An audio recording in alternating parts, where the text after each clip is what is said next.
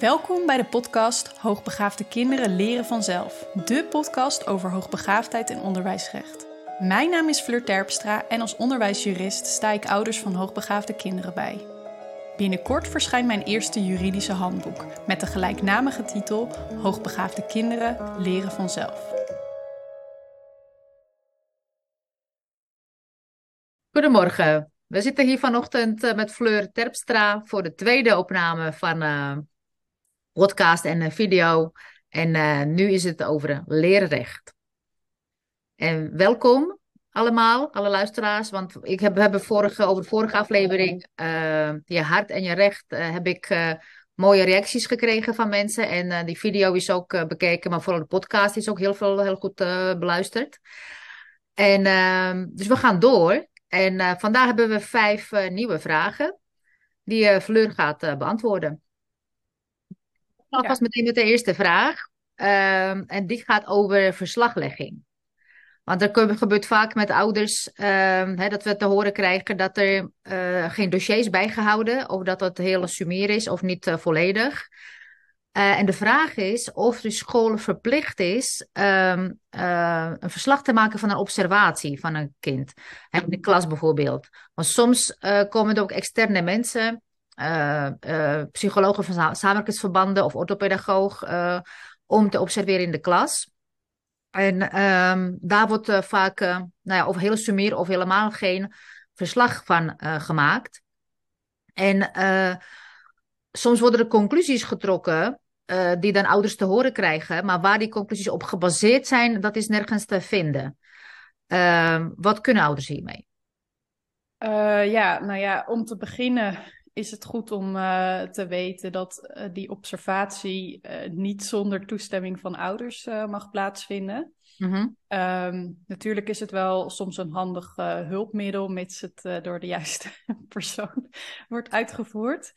Um, maar in feite is, ja, is het een vorm van psychologisch onderzoek, zo'n observatie doen. Um, en dat zijn dus ook medische gegevens die worden verwerkt.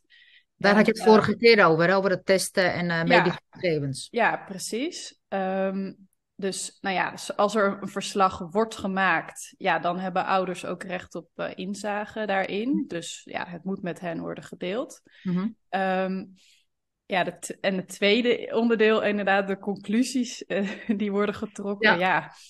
Dat is natuurlijk een beetje lastig. Um, want dat gaat meer over de deskundigheid van degene die het uh, uitvoert. Um, ja, wat je natuurlijk kunt doen is vooraf ook goed kijken wie gaat uh, observeren. Hm. En um, als je denkt dat dat iemand is die onvoldoende kennis heeft van ja. bijvoorbeeld hoogbegaafdheid, om dan niet akkoord te gaan. Hm. Um, Weet je, want soms wordt bijvoorbeeld uh, geobserveerd dat een kind weinig aansluiting heeft, of dat dat niet meespeelt. En dan uh, worden, uh, ja. alsof dat niet mag, alsof je niet introvert mag zijn of zo. Weet je? En dan worden er allerlei conclusies aan uitgetrokken dat bijvoorbeeld het kind niet sociaal zou zijn of wat dan ook. En dat heeft dan consequenties. En je staat als ouder bijna machteloos. Ja. Dat ben je natuurlijk niet, maar het gevoel kun je hebben dat, je, uh, dat er met je kind van alles gedaan wordt en je hebt daar geen zicht op. Ja, nou ja, ik denk dat jij dat beter kunt, uh, kunt uitleggen dan ik. Maar wat, hoe ik het zie inderdaad, is dat uh, met name dan bij de hoogbegaafde kinderen die ik zie, er inderdaad vaak verkeerde conclusies worden getrokken als ze de oorzaak niet herkennen van bepaald gedrag. Of inderdaad toch vanuit de norm kijken naar het kind in plaats ja. van gewoon het kind centraal te stellen. Maar het gaat mij nu ook in, de, in jouw geval inderdaad over een wet of een regel ja. of iets. Of, of je zelfs mag weigeren dat iemand je kind observeert. Of, of dat je zelf iemand aanlevert die je kind observeert. Of ik weet het niet. Hè? Dat, je, dat je daar meer uh, vertrouwen in kan hebben ja. als ouder. Dat de conclusies of adviezen die eruit komen, ja. dat ze ook uh, passen bij je kind. Ja, uh, ja, natuurlijk kun je dat weigeren. Je, je kunt dat wel tegenhouden. Alleen wat een probleem kan worden is natuurlijk als je er niet uitkomt. En dat de school dan zal zeggen, ja, we weten nu echt niet wat we moeten doen. Mm-hmm. Uh, of we accepteren niet de, de, expertise die jij wilt inbrengen. waardoor ze zich handelingsverlegen kunnen verklaren. Mm-hmm. Dus ja. ja. je moet altijd een beetje zoeken naar hoe kunnen we er samen uitkomen? Hoe kun je voldoende informatie geven zodat ze hun taken, wettelijke taken goed kunnen uitoefenen? Maar die verslaglegging is, is nodig, omdat je natuurlijk over kinderen hebt en, en bepaalde gevolgen. Ja. Ja, kijk, als je alleen maar gaat observeren en dan wat dingen roept, dan is dat natuurlijk ook niet, niet voldoende onderbouwd. En dan kan niemand uh, daar verder wat van vinden. Dus ja. dat zou heel willekeurig zijn. Ja, ja. Nu heb ik hier een vraag over OPP, over ontwikkelingsperspectief. En dat opstellen, hè. dat is wettelijk verplicht, geloof ik. Hè. En, en dan, daar zien de scholen vaak tegenop dat dat veel werk zou zijn.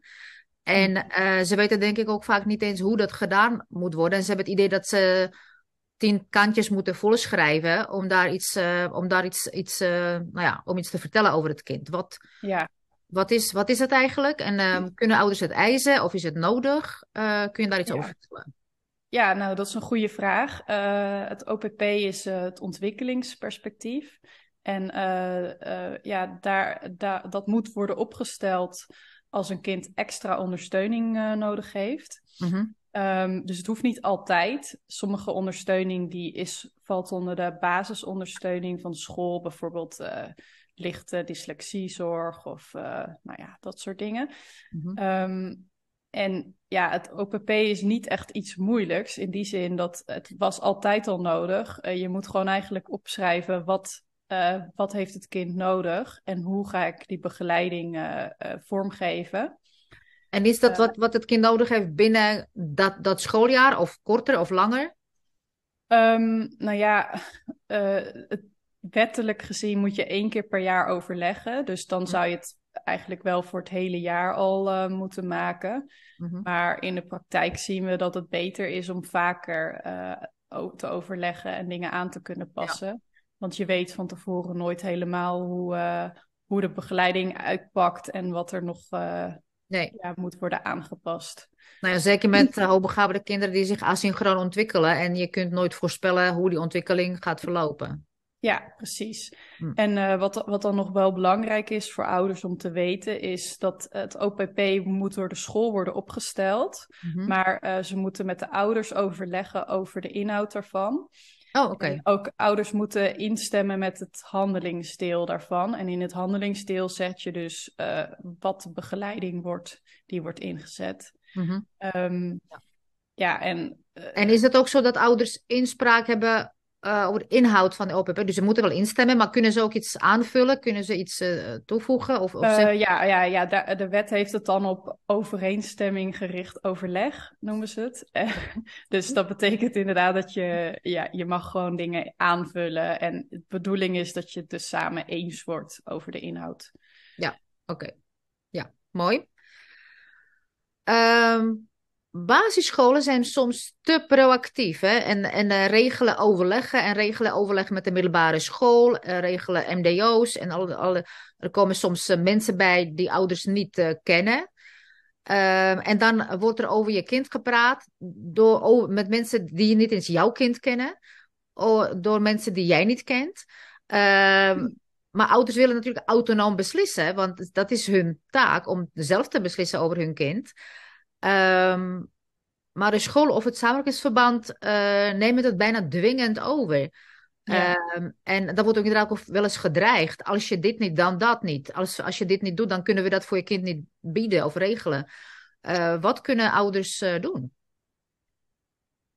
Um, ja, ik kom niet, gelukkig niet heel vaak meer tegen, maar inderdaad gebeurt dat wel eens. Um, ouders kunnen gebruik maken van uh, privacywetgeving natuurlijk. Mhm. En uh, heel kort samengevat volgt daar namelijk uit dat uh, niet zomaar jouw gegevens mogen worden gedeeld met anderen, behalve als daartoe in de wet een grondslag bestaat. En het kan dus zijn dat gegevens op basis van de wet mogen worden gedeeld. Moet je bijvoorbeeld denken aan verzuimgegevens die naar leerplicht mogen worden gestuurd of bepaalde gegevens die met duo mogen worden gedeeld. Mm-hmm. Maar uh, inderdaad mag niet zomaar iedereen betrokken worden bij een overleg over je kind.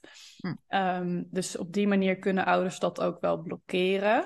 Ehm, maar beter is het natuurlijk om zelf uh, daarin ook weer de regie te nemen en uh, op een positieve manier aan te geven hoe je het wil. En um, ja, dat, dat werkt vaak het beste, want je moet natuurlijk wel nog met die partijen verder. Um, en over het algemeen is het ook wel beter om met minder partijen te overleggen omdat je anders gewoon geen steek verder komt. Kom je niet veel verder. Iedereen nee, heeft zijn mening. Nee. Ja. Dus in ieder geval moet de school uh, betrokken zijn, want die mag beslissen uiteindelijk over de inhoud van uh, het onderwijs. En uh, inderdaad kan het handig zijn om dan een, een deskundige die weet van wat er nodig is natuurlijk te betrekken. En het samenwerkingsverband heeft soms die deskundigheid. En aan de andere kant kunnen die ook voor de financiële hm. middelen zorgen. Ja. Maar ja, iedereen erbij is over het algemeen uh, niet echt, uh, niet echt nodig. Hè? Succes. Nee. Nee. nee. nee. Um, kun je iets vertellen over de mogelijkheden van thuisonderwijs of deels thuisonderwijs? Of tijdelijk thuisleren tot je weer tot jezelf komt? Dat gebeurt zeker. heel vaak met kinderen die overprikkeld zijn en die ja. dan echt rustmomenten nodig hebben. Of die zelfs één keer per week time-out nodig hebben en rust nodig hebben. Ja, Um, nou ja, je hebt, best, je hebt een aantal vormen van, uh, van vrijstelling inderdaad. Mm -hmm. um, ja, thuisonderwijs, dan denken veel mensen echt aan dat het een bewuste keuze is natuurlijk. Dat is de, de eerste. Je kan thuisonderwijs geven als je richtingsbezwaren hebt, maar uh, dat gaat eigenlijk alleen als je nog nooit naar school bent geweest. Hm. Um, en uh, verder is het mogelijk om uh, ja, tijdelijk uh, vrijstelling te krijgen wegens bijvoorbeeld ziekte. Dat kan ook zijn als je dus bent uitgevallen omdat het onderwijs niet, niet goed voor je is en dat je ziek bent geworden van school. Mm-hmm. Um, maar dat is meestal dan wel een tijdje mogelijk en op die manier kun je dan deels wel thuis wat doen. Of kinderen krijgen bijvoorbeeld onderwijs via IVO aangeboden. Uh, en een andere die wel vaak wordt gebruikt is vrijstelling wegens lichamelijke of psychische ongeschiktheid. Mm -hmm. En um, dat is wel, heeft wel wat meer voeten in de aarde. Dat wordt echt door de leerplichtambtenaar beoordeeld. En dan moet je ook een verklaring hebben van iemand dat jij dus mm. tijdelijk niet naar school kunt gaan. Van een arts of psycholoog misschien? Of, iemand... ja, ja, een psycholoog of een arts. En dat mag dan niet degene zijn die jou, ook jouw behandelaar is. Um, uh, ja, dat kan een tijdje wel dan wel rust geven, waardoor kinderen weer, weer een beetje tot zichzelf komen, tot inderdaad. Komen. Ja. Ja. ja.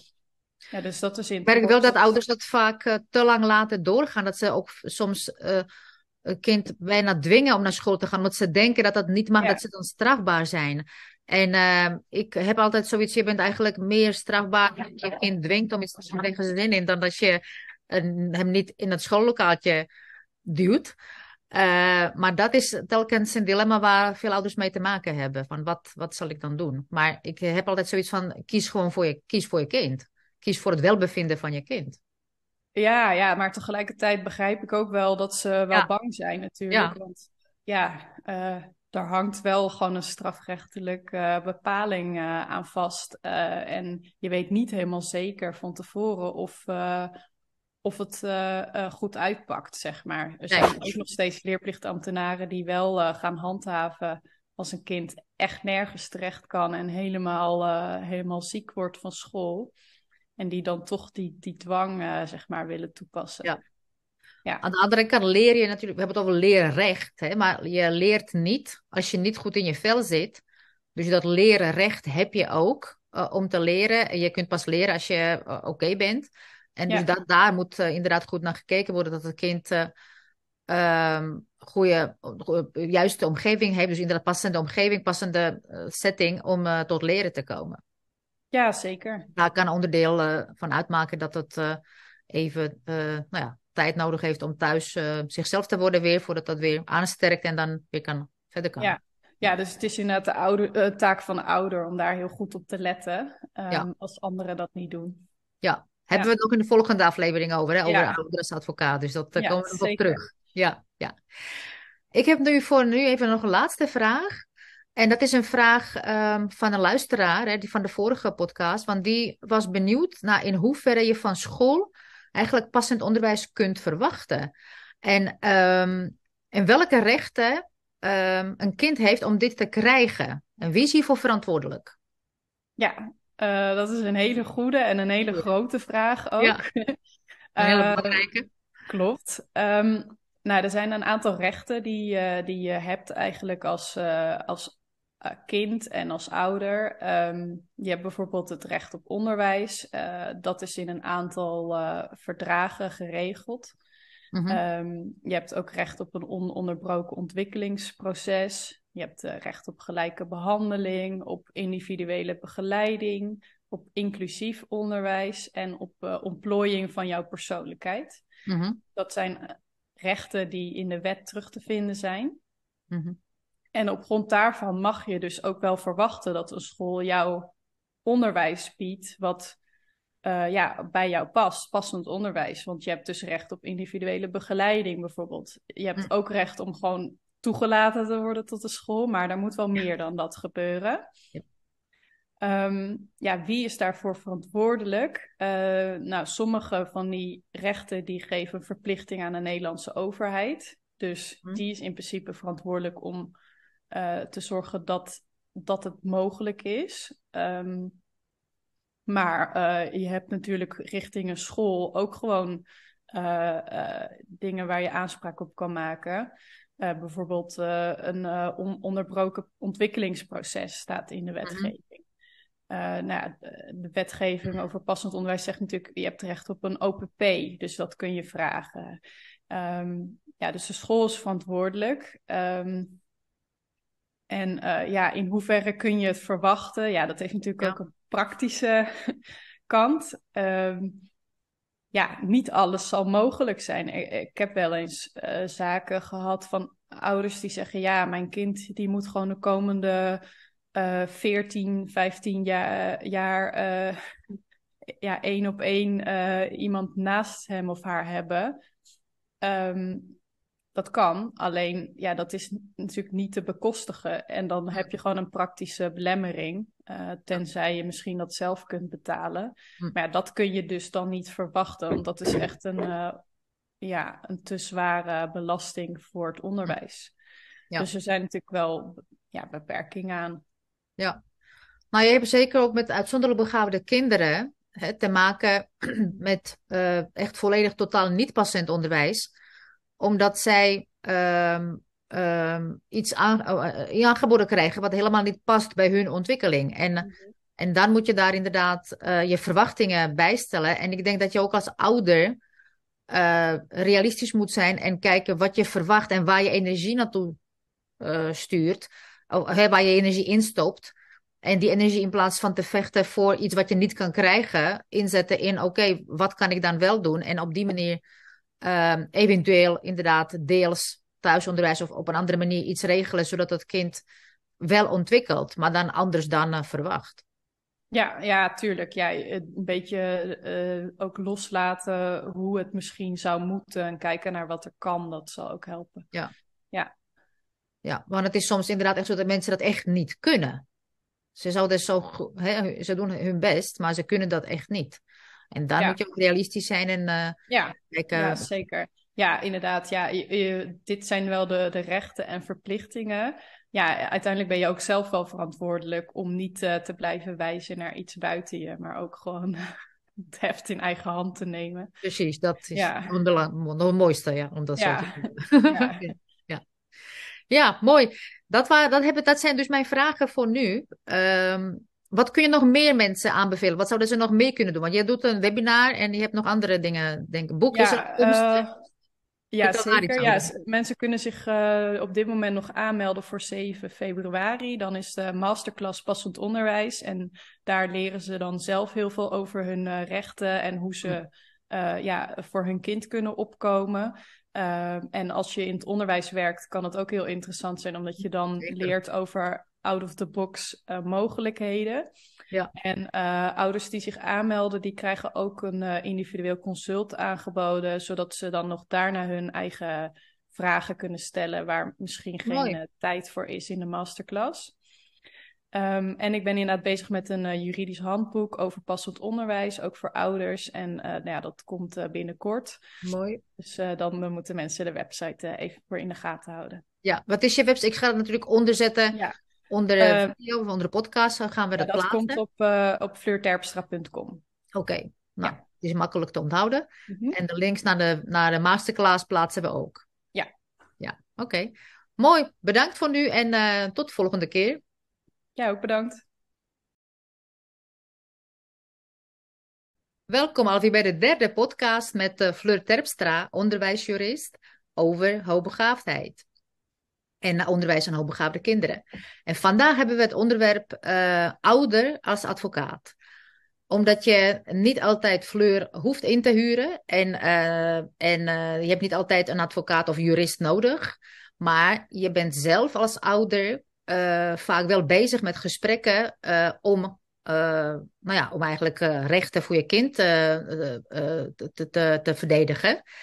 En daar zijn bepaalde dingen voor nodig, voornamelijk denk ik wel kalm blijven, opstellen wat je wil bereiken, een lijstje maken en dan ervoor gaan, denk ik.